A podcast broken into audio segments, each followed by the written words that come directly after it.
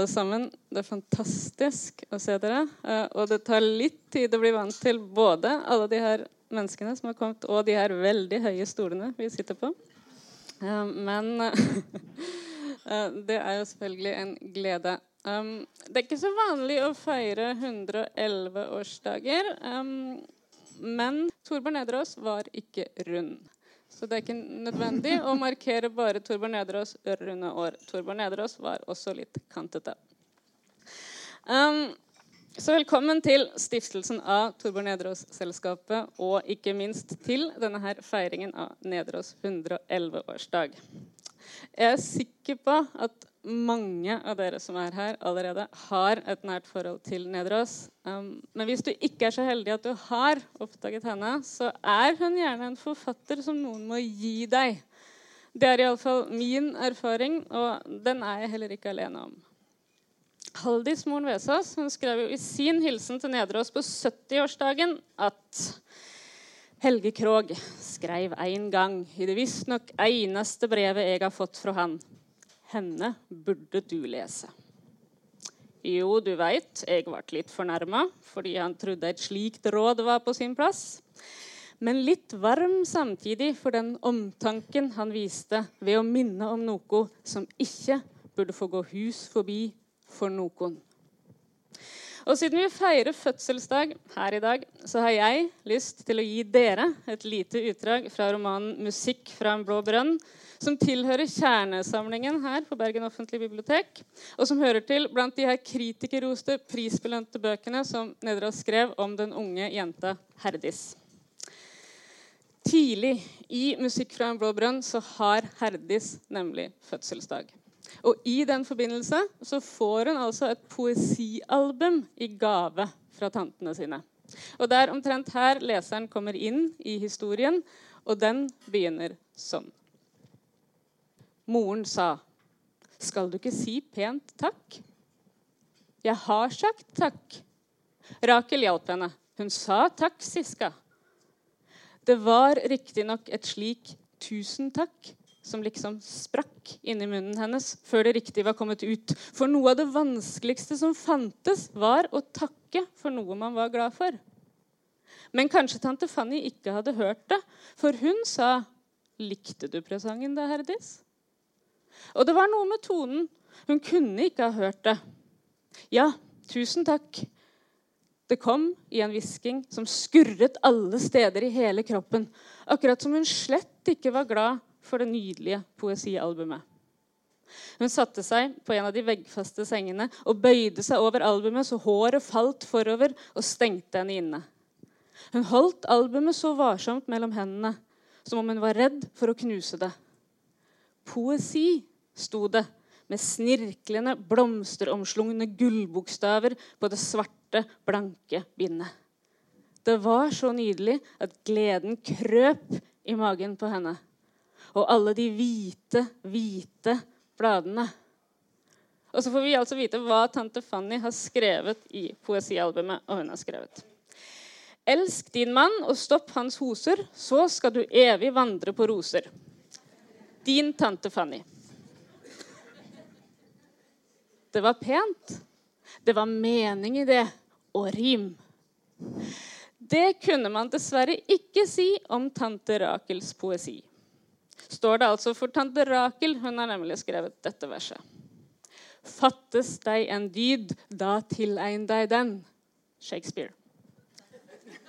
Kjærlig hilsen fra din tante Rakel. Hun gikk stille og fant en blyant. Hun ville skrive noe pent i boken selv. Ikke mye. Ikke mer enn til at det ble plass til en tegning. For når den hørte med til poesien, hadde man lov.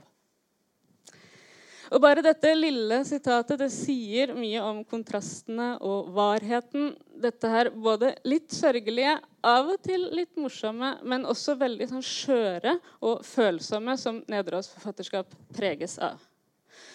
Torbjørn Nedreås skriver med poetisk nerve. Hun har alltid stor omsorg for de svake og for outsiderne.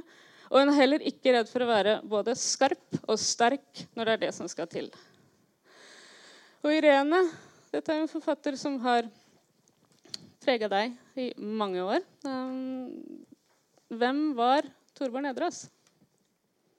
Ja, hvem var Torbjørn Nedreås? Um, når man skal skrive en biografi, som jeg skal og skulle for så vidt ha gjort for lenge siden, uh, så, um, så spør man det. Hvem var hun egentlig? Uh, jeg er ikke sikker på om jeg har funnet svaret, men jeg kan jo si noen sånn, komme med noen fakta. Født i 1906 oppvokst i det jeg vil kalle en småborgerlig familie.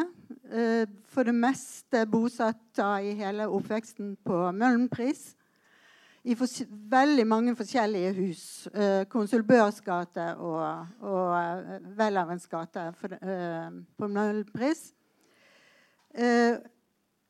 Tre år i, helt i tenårene tilbrakte hun i København sammen med, sin, ja, med, foreldre som ble skilt. Og så flyttet hun med sin stefar og sin mor til København, der hun tok middelskole.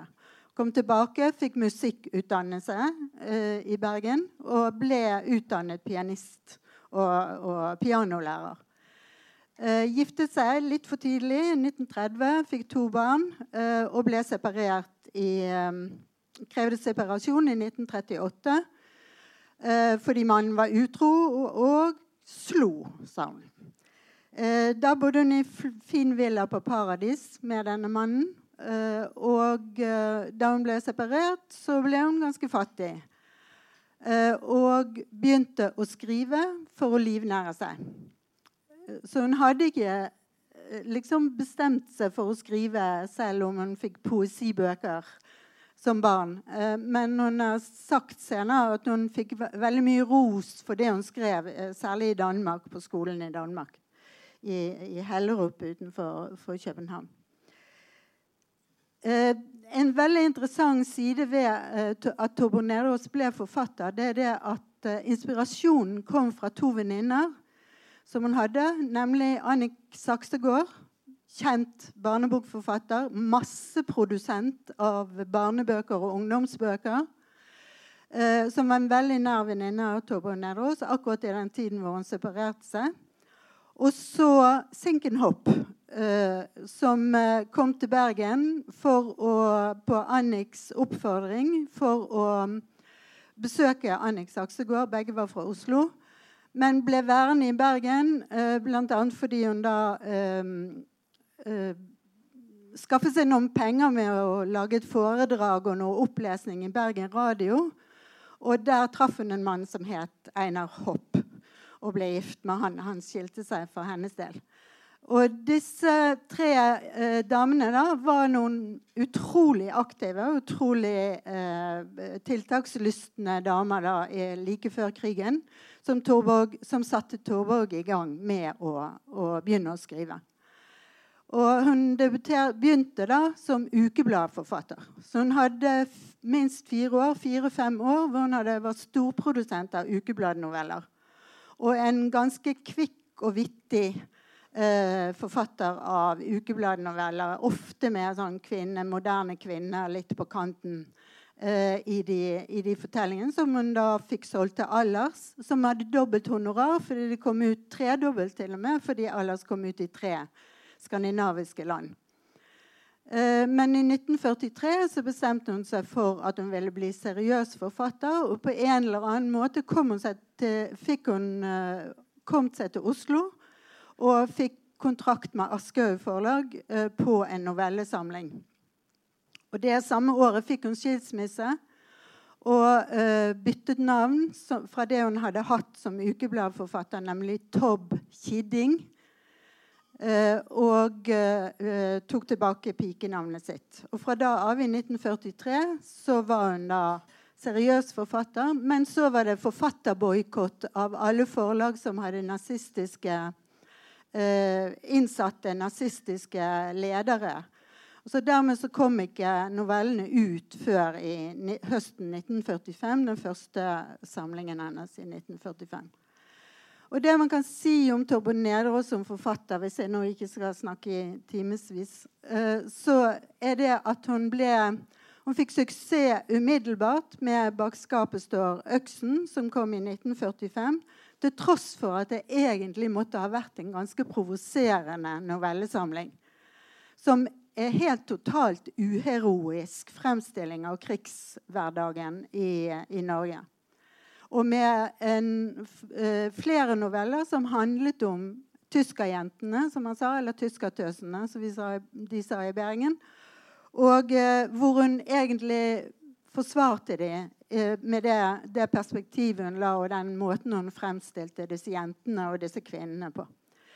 Uh, hun hadde også ganske stor suksess med nest, sin neste bok, 'Av måneskinn gror det ingenting', selv om mange var sjokkert. Og to bergenske kritikere syntes at ta, talentet hennes var kommet på avveie med denne romanen. Det var Herbjørn Lavik og Sverre Risøen. De syntes at hun hadde forskuslet sitt talent med å skrive en sånn roman. Eh, men hun, ble, hun, fikk veldig gjennomslag, og 'Trylleslaget' fikk hun kritikerpris for. Nei, 'Trylleglasset' fikk hun kritikerpris for, så hun var virkelig en etablert forfatter etter tre, tre bøker. Eh. Men så hadde hun et stort, mislykket prosjekt, en rom, politisk roman som het 'I varme hendene', og da var det like før at hun mistet sin posisjon som forfatter. Men hun kom enormt sterkt tilbake med 'Musikk fra en blå brønn' i 1960. Og med 'Musikk fra en blå brønn' så fikk hun nesten en sånn eh, heltestatus i, i både for leserne og for, eh, for, for eh, kritikerne. Og så da hadde hun fra da av en enormt sånn sterk posisjon. Det som er interessant med dette er, med hennes posisjon, er at hun også var kommunist. Um, det kan vi kanskje komme litt tilbake ja, til. Men i hvert fall, hun klarte det kunststykket å være en populær kåsør i NRK på, uh, fra 1950, slutten av 1950-tallet og frem til slutten av 1970-tallet, til tross for at hun var kommunist, og til tross for at hun aldri la skjul på det. Det ble laget opprop for at, skulle, at NRK skulle slutte å la henne snakke i radio. Men hun hadde altså faktisk en kult status eh, som gjorde at NRK ikke kunne ta henne ut, ut av, av, sine programmer, med sine lørdagskåserier og sin høytlesing. Det er det jo også folk som skriver til oss nå.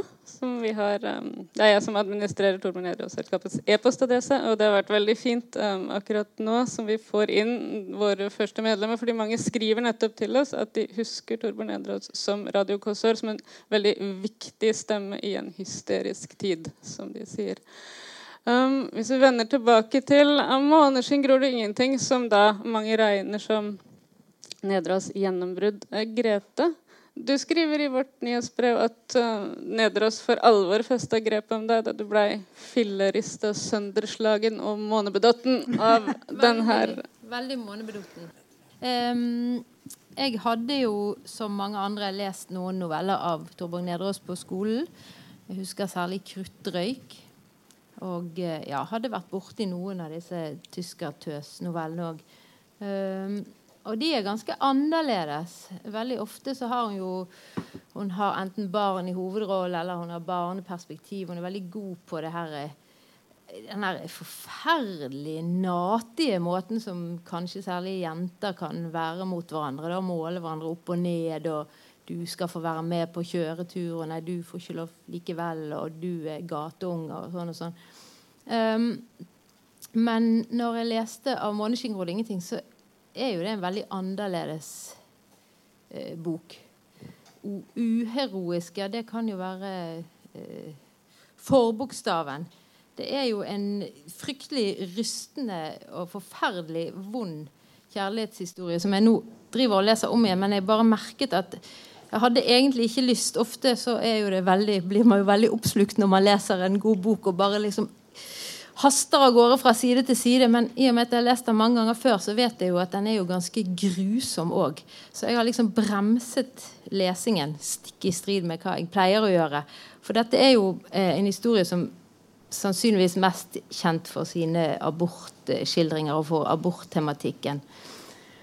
Og den er jo hinsides det meste i opprørende altså den, Særlig den siste scenen. da. Og det er sikkert mange som også har sett den NRK-serien med Anne Krigsvold i hovedrollen. Um, så ja uh, det, er, det er en sterk bok. Den er vond, og den er vakker på samme tid, syns jeg. da. Jeg ble nesten også overraska over hvor uh, vakker den også er. da. Fordi Jeg hadde jo ikke lest den egentlig før i år, og jeg har egentlig vegra meg for å lese den fordi jeg har hørt at den er så fæl. Uh, men det er jo en bok med veldig mange lag. Den er jo også veldig estetisk uh, på sin måte. Altså, den har veldig mye brytninger mellom realisme, naturalisme, estetikk. Du har jo også sagt at du liker den her åpningsscenen på jernbanestasjonen. Ja, den er, veldig, den er jo veldig filmisk, syns jeg. Altså, alle har jo sett et utall, kanskje særlig svart-hvitt-filmer, med en jernbanestasjon med litt sånn uh, gatelys og noe skramling og noe sånn skritt og tog som kommer og går. Og så er det da denne hovedpersonen som står der med sin blå kåpe og sin røde koffert og jeg tenker at denne blå kåpen det er jo Jomfru Maria fra billedkunsten. Hun har jo veldig ofte blå kåpe. Og så den røde lille kofferten det er jo enten hjertet eller livmoren, tenker jeg. da, Som hun står og holder i hånden helt ubeskyttet og helt uten ja, utsatt for alt mulig. Og så treffes de, for det, mm, hvis vi skal minne de som enten ikke har lest den, eller det er lenge siden de har lest den, så er det jo en sånn rammefortelling der det er en mann som kommer på jernbanestasjonen treffer denne navnløse kvinnen og blir liksom slått av hvordan hun står der med gatelys over seg. Som en glorie, kanskje. Eh, og så snakker til henne og lurer på om hun er en sånn gatepike, eller hva hun er, og om han, han skal ta henne med hjem og plukke henne opp og sånn. Eh, og, så, og, så, begynner historien. altså Da foregår resten av romanen den natten når hun forteller sin historie til denne mannen. Denne rammefortellingen er det mange som ikke liker. Jeg kan ikke forstå det, for jeg tenker at det er også veldig en viktig del av um, både denne boka og Nedras forfatterskap er jo nettopp det å få fortelle sin historie til noen. Veldig... Ja, boken holder på å ikke bli antatt hos Aschehoug. Fordi at For det første så var abortskildringene helt i overkant. Og for det andre likte de ikke rammefortellingen. Og de brukte nesten et år på å bestemme seg for om de skulle utgi boken. Og konsulenten eh, Aksel Sandemose mislikte fortellergrepet sterkt. Og veldig mange av de mannlige kritikerne brukte det som, eh, som et argument for å si at boken var mislykket. Uh, det, for det var et kunstig grep. og det var, uh, Aksel Sandemose mente jo at det var ingen mann som ville sitte en hel natt og høre på en sånn historie. Så det var jo helt usannsynlig, da.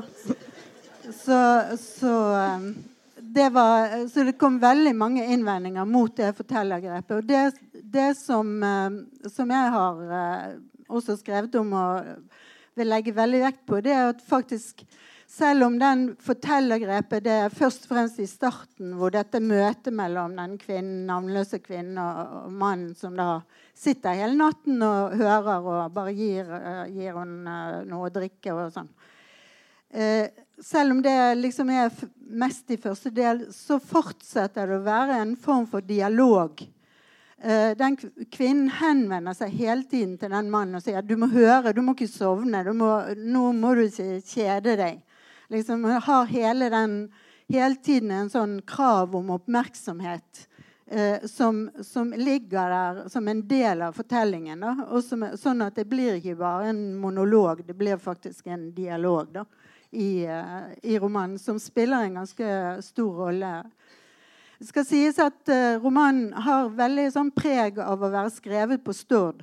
Eh, flyttet til Stord under krigen og bodde der til, til 47. Da.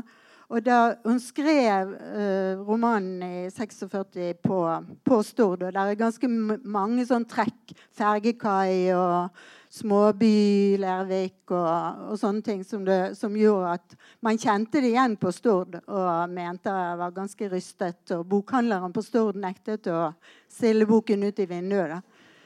Så ja. Men den har liksom hatt det pre... Den har hatt veldig, det ble også kalt for en tendensroman da den kom ut. Men, eh, men det, er, det, er verdt å lese boken på, på, andre premisser enn det at det var et budskap eller en sak. Og det er heller ikke entydig at det er et forsvar for abort. Uh, selv om det absolutt er et angrep på at kvinner er nødt til å foreta illegale aborter, så er det ganske mye i teksten som egentlig er et uh, angrep på det å måtte ta abort. Det å ikke kunne få de barna man egentlig vil ha. da. Som er en del av den historien. Sånn at romanen er på mange måter blitt litt feiltolket ut ifra en sånn enkel greie med at det handler om retten til å ta abort. Denne henvendelsen til den mannlige fortelleren i romanen føler jeg også kan bli en slags henvendelse til leseren. At når hun sier sånn, ja, du, du, må ikke kjede deg nå, du må, ikke, du, du må, høre på dette her. Og særlig mot slutten, hvor skildringene blir mer og mer liksom, påtrengende, så er det plutselig sånn Du, nå må du høre på dette her. Og det, føler jeg, det grepet er ganske sterkt, fordi da plutselig blir det en henvendelse til den mannlige fortelleren, men også en veldig klar henvendelse til leseren. Så det blir sånn sterkere og sterkere denne insisteringa på at du er nødt til å høre på meg. Um, og sånn sett kan vi jo trekke en parallell til Herdis-bøkene. Um, for der uh, får jo Herdis aldri fortalt nesten sin historie til noen andre heller enn leseren av bøkene. Altså, Herdis-bøkene handler jo mye om hvordan Herdis er oversett og neglisjert og glemt, og ingen uh, har fantastiske skildringer av hvordan Herdis vimser etter foreldrene sine inn i huset og håper at de skal legge merke til henne, og, og det gjør de ikke. Og det er egentlig bare leseren som deler liksom, Herdis perspektiv. Um, og det kan være veldig fortvilende som leser. Man kan få en veldig sånn, sterk avmaktsfølelse når man leser disse bøkene, fordi man blir den eneste fortrolige. Så Der også handler det jo på en måte om et menneske som får fortalt sin historie først i etterkant, og da bare til leseren. Um, og når man tenker på at disse bøkene har en veldig selvbiografisk eh, linje, blir det også ganske sterkt. Ja, det, altså, det, er to ting når det gjelder det selvbiografiske. Altså det, det, Herdis er jo Tobbe Nederås sitt alter ego. Altså det er jo veldig mye i den fortellingen som er hennes egen fortelling. Men samtidig hennes egen livshistorie. da. Uh, men samtidig så, så, er det jo uh, altså det, det, er noe merkelig i den uh, fortellingen. For det, hun lar egentlig Herdis få bli karakterisert ganske negativt. Det er veldig neg Hvis man skulle lese det som en sånn selv, altså selvforståelse eller etablering av en forståelse av hvem er jeg For det er et spørsmål som går gjennom hele, alle de tre trylleglasset, musikk fra en blå brønn og ved neste nye måned. Hvem er jeg, liksom? Uh, men det, det, er en veldig negativ selvforståelse som kommer frem. Og Torbo Nederås i flere intervjuer så har hun sagt at Herdis er så dum. Og Herdis eh, altså virkelig uttaler seg veldig negativt om Herdis. Og det røper egentlig at hun må ha, ha kjempet med en ganske dårlig selvforståelse. Eh, fra, fra, den opplevelsen av å ikke bli sett av foreldrene, som jo er virkelig et sånt grunnleggende trekk ved, ved det som fortelles om Herdis i forhold til foreldrene. Hun sier vel jeg kunne ha lyst til å gi Herdis et spark bak. Ja. hun i et intervju. Men jeg tenker jo at først og fremst er jo Herdis kanskje ensom. Altså hvis du skal bruke ett, ett ord, da. Hun går rundt i disse gatene og trakker ut og frem og tilbake, og bestemoren i marken her borte. og øh, men det er jo i hvert fall en likhet til hun i 'Av måneskin gror det ingenting'. Det er jo den ensomheten, selv om hun er jo mye mer utagerende i sin uh, søking etter kontakt. Sånn. Men, eh, men, den ensomheten, det å være ja, jeg vet ikke annerledes på en måte, eller i hvert fall utrolig var og følsom og, og sensitiv, det er jo Herdis. For det er jo en sterk ensomhet i måneskinn, også ikke bare hos den kvinnelige hovedpersonen, men også hos den mannlige fortelleren. Som tenker som også antagelig føles fører til at de dras så sterkt mot hverandre. Uh, musikk spiller jo en sterk rolle i hele um, Nedreås forfatterskap, og det spiller også en rolle i 'Måneskinn'. Um, annet i forbindelse med at Bach, staccato og fuge i d-moll får et veldig sånn forløsende, revolusjonært potensial. Men det er en annen musikkscene i denne romanen som berører meg veldig sterkt. Og det er ganske tidlig så kommer den mannlige fortelleren ut fra kjøkkenet, og da står den kvinnelige personen og spiller på en liten sånn spilledåse som han har inne. Og så sier han at han blir, han blir stående og blir helt sånn fjettere, og alt stopper opp. Og det er tydelig noe med denne lille polka, den lille triste polka-melodien, som berører han enormt sterkt. Men leseren får aldri vite noe mer om hva slags musikk dette her, hva slags funksjon det har i denne romanen, hva slags funksjon det har i hans liv. Det er bare en sånn, I kraft av at det er en sånn sår musikk der, så skjønner du at liksom, ensomhet også er et tema for han. Mm. Så ensomhet er vel et sånn, en ledetråd i det her forfatterskapet. Uh, og ensomhet i litteraturen er jo interessant fordi i litteraturen så er man jo ikke bare ensom lenger. Uh, man blir, jo liksom, man blir jo sett av en leser. Leseren blir jo også den som på en måte ser Herdis. Um, lever med Herdis, på en måte. Jeg fikk veldig lyst til å spørre Irene om noe nå. Fordi at, kan jeg det? Ja, gjør det. Fordi at um, det du sier, er jo at han mannen sin historie får vi aldri høre.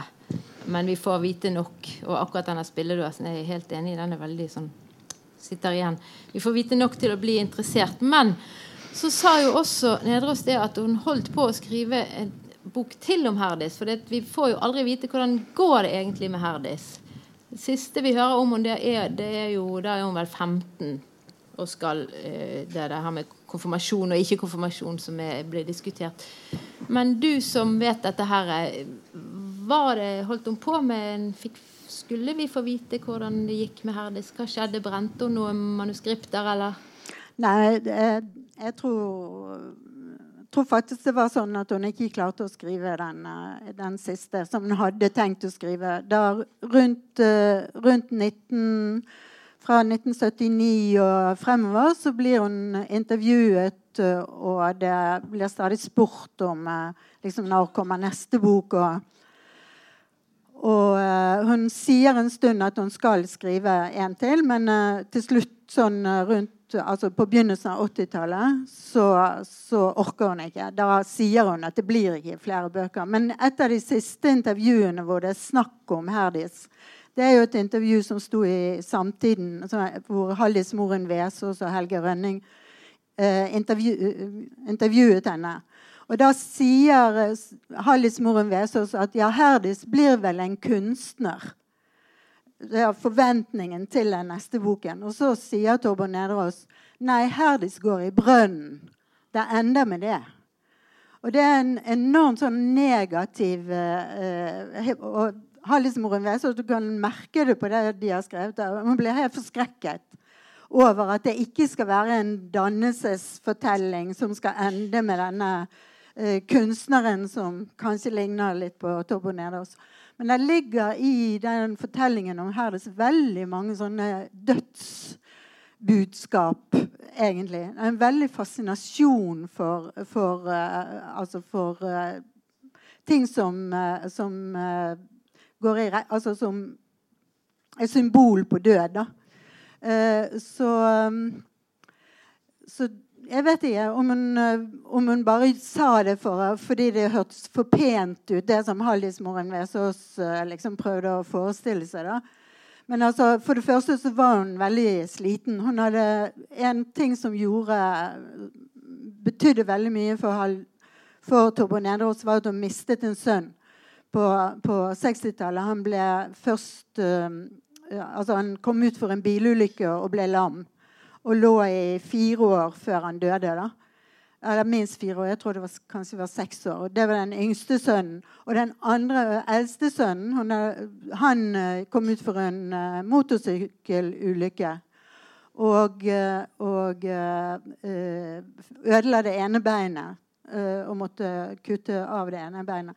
Var, men særlig det med Kåre, den yngste sønnen, var, var nok en ting som gjorde at hun ble ganske ganske svekket på slutten av sitt liv. da. Eh, kanskje ved siden av all rødvinen. Hun var jo ikke akkurat en, og alle sigarettene. Hun var jo ikke akkurat en forsiktig person. da. Men, eh, men eh, jeg tror nok at det, det med det tapet av, av Kåre var en helt sånn vesentlig ting som gjorde at hun mistet kreftene uh, på, på, slutten av livet. Hun var jo ikke så veldig ung da hun døde. Hun var jo 80, over 80. så det var jo ikke det. Men kan det også være et sånt uh, resultat av en sånn slags herdisk trass? Og i møte med denne forventningen om at du skal lage en dannelsesroman, ja. si sånn Nei, bare vent, dere. Ja. Herdis. Herdis skal ikke gå. Herdis går i brønnen. Men, men, til alle som har lest musikk fra en blåbrønn eller trylleglass og tenkt at det er en nydelig barneskildring, så vil jeg virkelig oppfordre til å lese en gang til og se hvor mye det er, hvor mye farlige ting det er i dette. Altså, det er ikke bare uh, Det er også som sagt, en, en, fascinasjon for død. En scene som vi snakket om tidligere i dag, f.eks. i Ved neste nymåne. Der er det en scene hvor, hvor uh, Herdis er på vei tilbake fra København og på båten. Og så møter hun en mann Uh, som hun begynner å snakke med. Hun snakker litt engelsk og litt tysk. Og, og sånn. Og så litt etter hvert så blir det litt uklart hva slags mann dette er. Og til slutt så blir det klart at hun har bare fantasert om en mann. Og den hun har fantasert om, er en um, sin døde fetter. Uh, uh, Torben Nedås jo, uh, hadde jo en halvt jødisk mor. Hun hadde en stor jødisk familie i Tyskland i Hamburg. Og, og um, uh, forteller hun om denne fetteren Kive som er uh, blitt drept under første verdenskrig. Uh, forsvunnet på slagmarken under første verdenskrig. Og så viser det seg, måten det beskrives på, at det er Kive hun har møtt der. Og han har et hull i pannen. Og det er det flere tekster av Tove Nedaas hvor møter, hun møter en mann som egentlig er død. Som hun fantaserer om, og som, er, som hun er fascinert av og tiltrukket av. Og samtidig eh, altså, som er et sånn budskap om om død, sånn man kan lese det. Ja, for Grete, du leste jo en novelle uh, i forrige uke som du, ja, som du mm. også maila meg og sa at den her må du lese. Uh, den er jo helt sånn i, i et sånn ubestemmelig grenseland. Er det en drøm? Først blir det introdusert som om det er en virkelig hendelse, og så er det kanskje en drøm, kanskje det er en fantasi eller et galskap eller et sånt bilde som bare Og der er jo òg det der hullet i i planen. Den, jeg syns den er veldig fantastisk. Sånn, måten han beveger seg mellom de her eh, virkelighets- og uvirkelighetsrommene. Liksom. Det, det er vel der han sier det. Det er ikke døden som skiller menneskene fra hverandre. Det syns jeg er veldig fint. Og dette var jo første novelle i den 'Bak skapet står øksen'. Og det er, kom altså ut i, rett etter krigen. Og i den novellen så handler det om en kvinne som treffer en mann som hun, eh, som hun da elsker. Og så forsvinner han, og så blir han gjenfunnet som en død tysk soldat. Men han heter Andrej. Så hele den første delen hvor hun møter han og beskriver sine følelser, så, så tror man at det er en russer. Eh, så tror man at hun har møtt en russer som, som denne kvinnen har blitt tiltrukket av. Og så når, når han blir funnet, liket blir funnet, så får hun noen med seg for å, for å ta vare på eller for å, for å finne han og begrave. Og så viser det seg at han er tysker.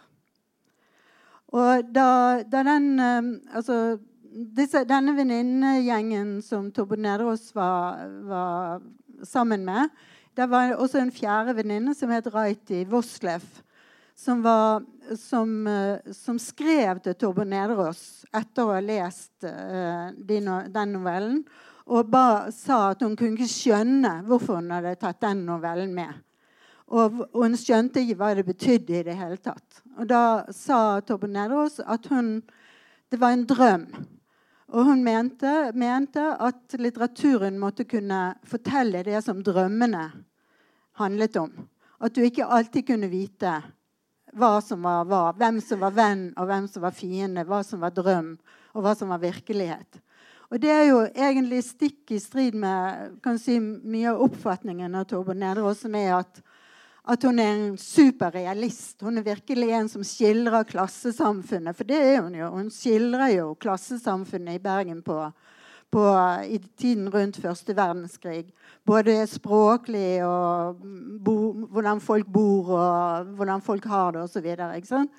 Men hun, eh, hun, insisterte veldig ofte på det at, at litteraturen måtte ha det, noe av det samme som drømmene har.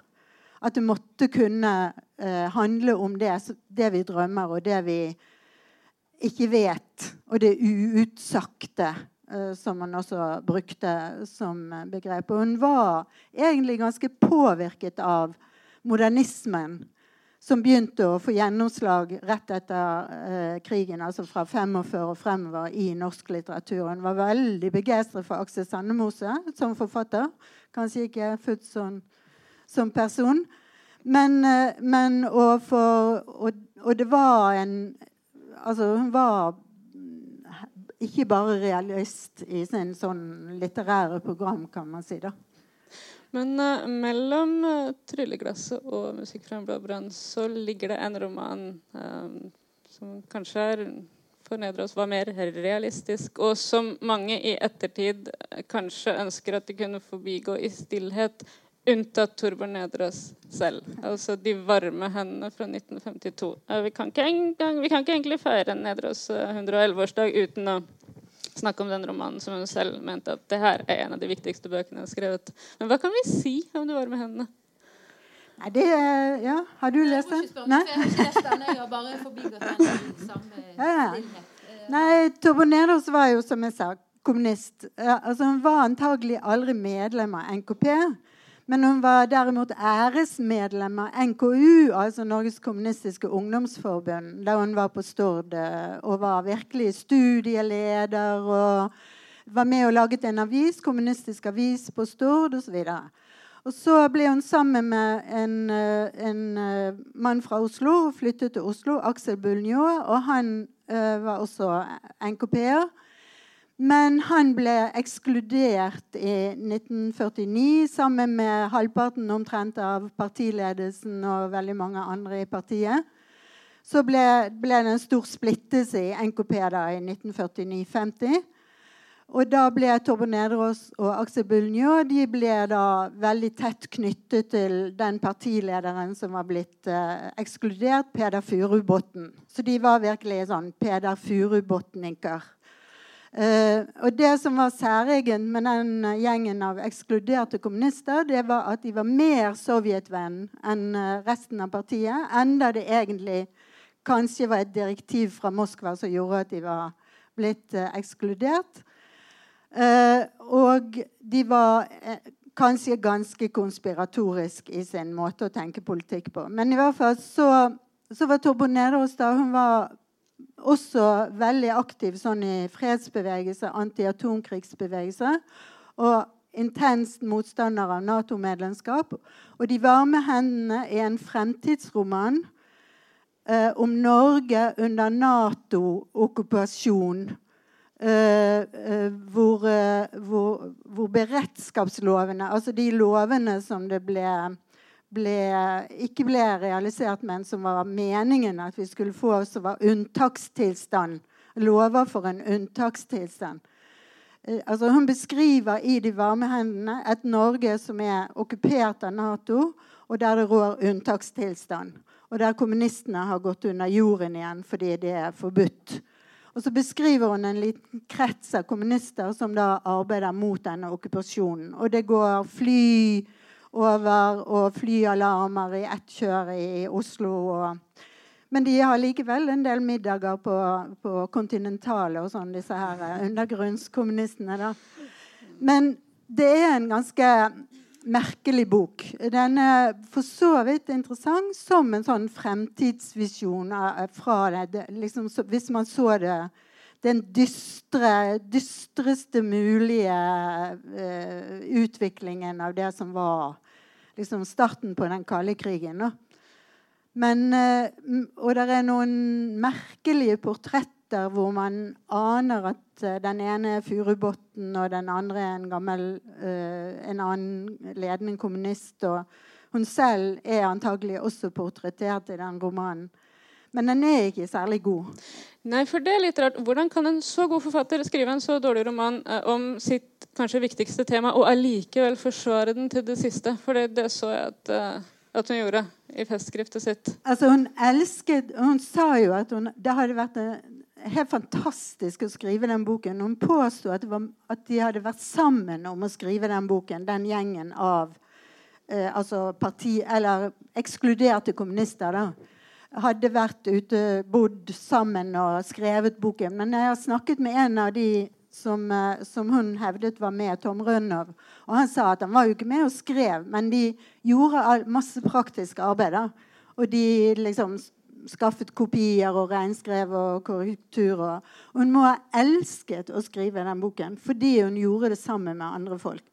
De andre kameratene eller vennene som hun hadde.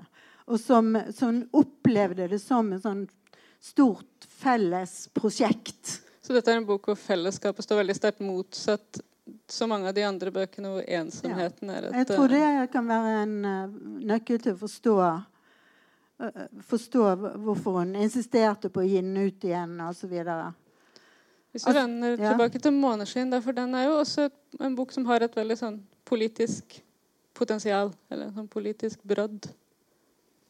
Ja, og Det var vel òg noe som kritikerne ikke var så begeistret for. De syns ikke det var noe å skryte av når det kommer til samfunnsanalysen i boken. Men jeg syns den, den, er ganske sånn ram. Altså, hun, er, hun er veldig krass mot eh, kvinnene, syns jeg. Altså, selvfølgelig er hun krass mot, mot menn òg, i og med at i hvert fall han ene får hun gravid igjen og igjen og igjen. Da.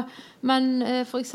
måten hun beskriver moren og dette her med at i dette samfunnet De er jo skikkelig fattige. altså De dør av sånn gruvesilikose. da menn som jobber i gruven, mens legen da skriver lungebetennelse på dødsattesten, for det er liksom litt mer pyntelig.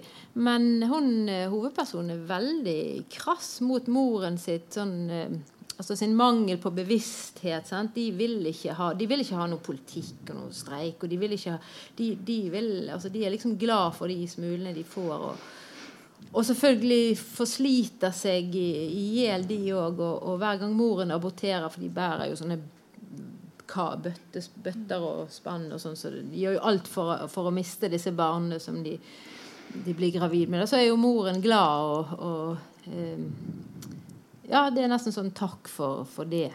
Mens, eh, mens hun kvinnen sjøl er jo mye mer sånn som du var inne på at det er jo ikke noe sånn anti-abortroman. For hun, eh, når hun er gravid, så, så, blir hun jo så vakker. Og det ser jo også han eh, mannen uten at han vet. altså Det er en sånn veldig fin scene der hun står og vasker seg. og så, Hun er jo selvfølgelig fortvilet, for dette er jo en katastrofe, men så står hun og vasker seg, og så ser hun at Oi, jeg er jo utrolig stråler liksom av liv. Og, og det ser òg han her Johannes, som han heter, da, uten at han vet at hun er gravid. sånn at det er jo på en måte en sånn her eh, det her eh, er en naturlig og, og fin prosess, og hun er, hun er, også stolt, selv om alt bare livet raser sammen, og det er ingen utvei, alt er katastrofe. Så eh, Nei, men det politiske Jeg, synes, jeg tror kanskje det at det kan vi undersøke litt nærmere. Det i hvert fall kunne jeg tenke meg. Altså, for det, er ikke noe sånn enkelt, enkle svar. Det er ikke noe ja og nei eller uh, svart-hvitt løsninger. Altså, hun, hun, sa alltid at hun hadde fått den historien av en annen kvinne.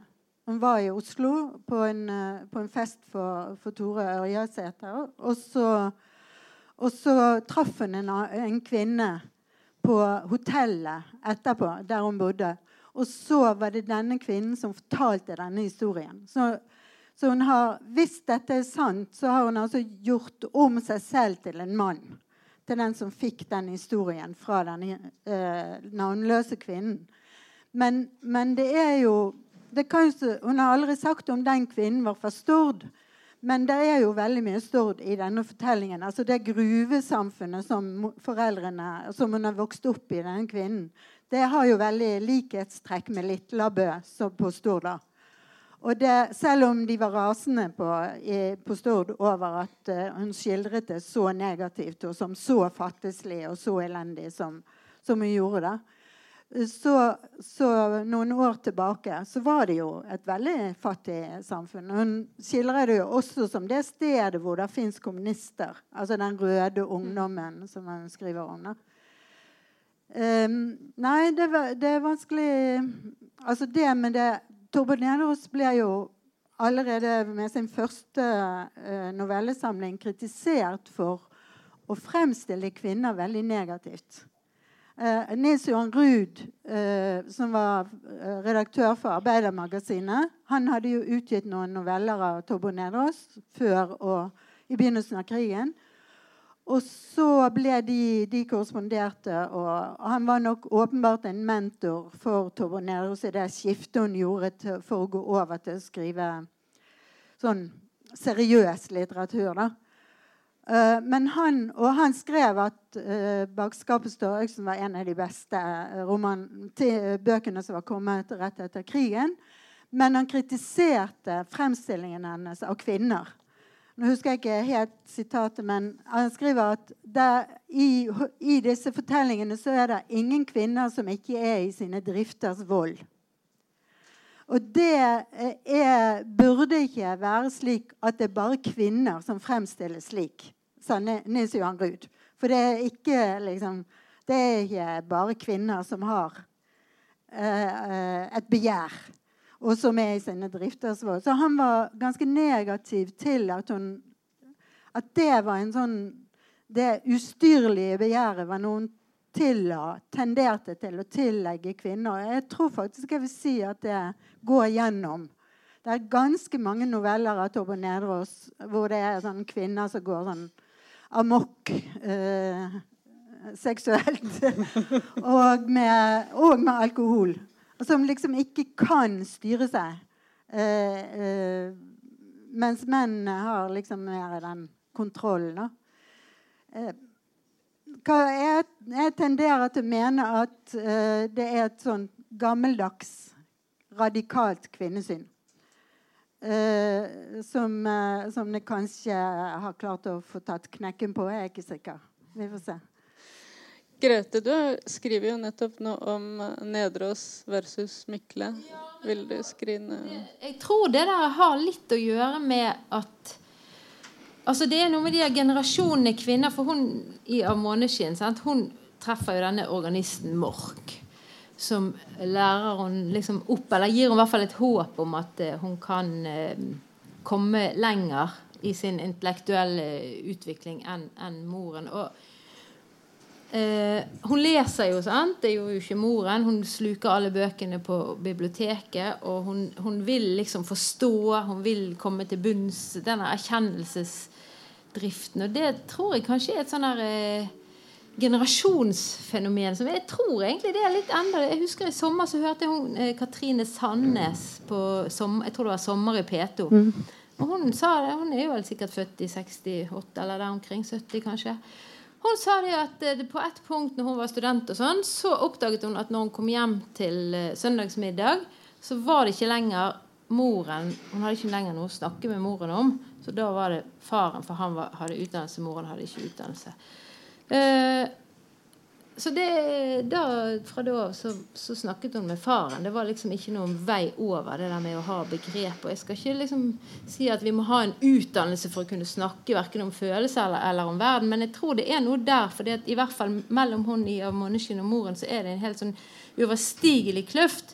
Mens med faren har hun den nærheten. Sant? Når faren ligger død, for det første så er det helt skrekkelig, for da har jo hun vært så opptatt av denne elskeren sin at hun har ikke hørt at de vil at hun skal komme hjem og ta farvel med faren. Så, så når hun kommer hjem i en elendig forfatning, så er faren allerede død.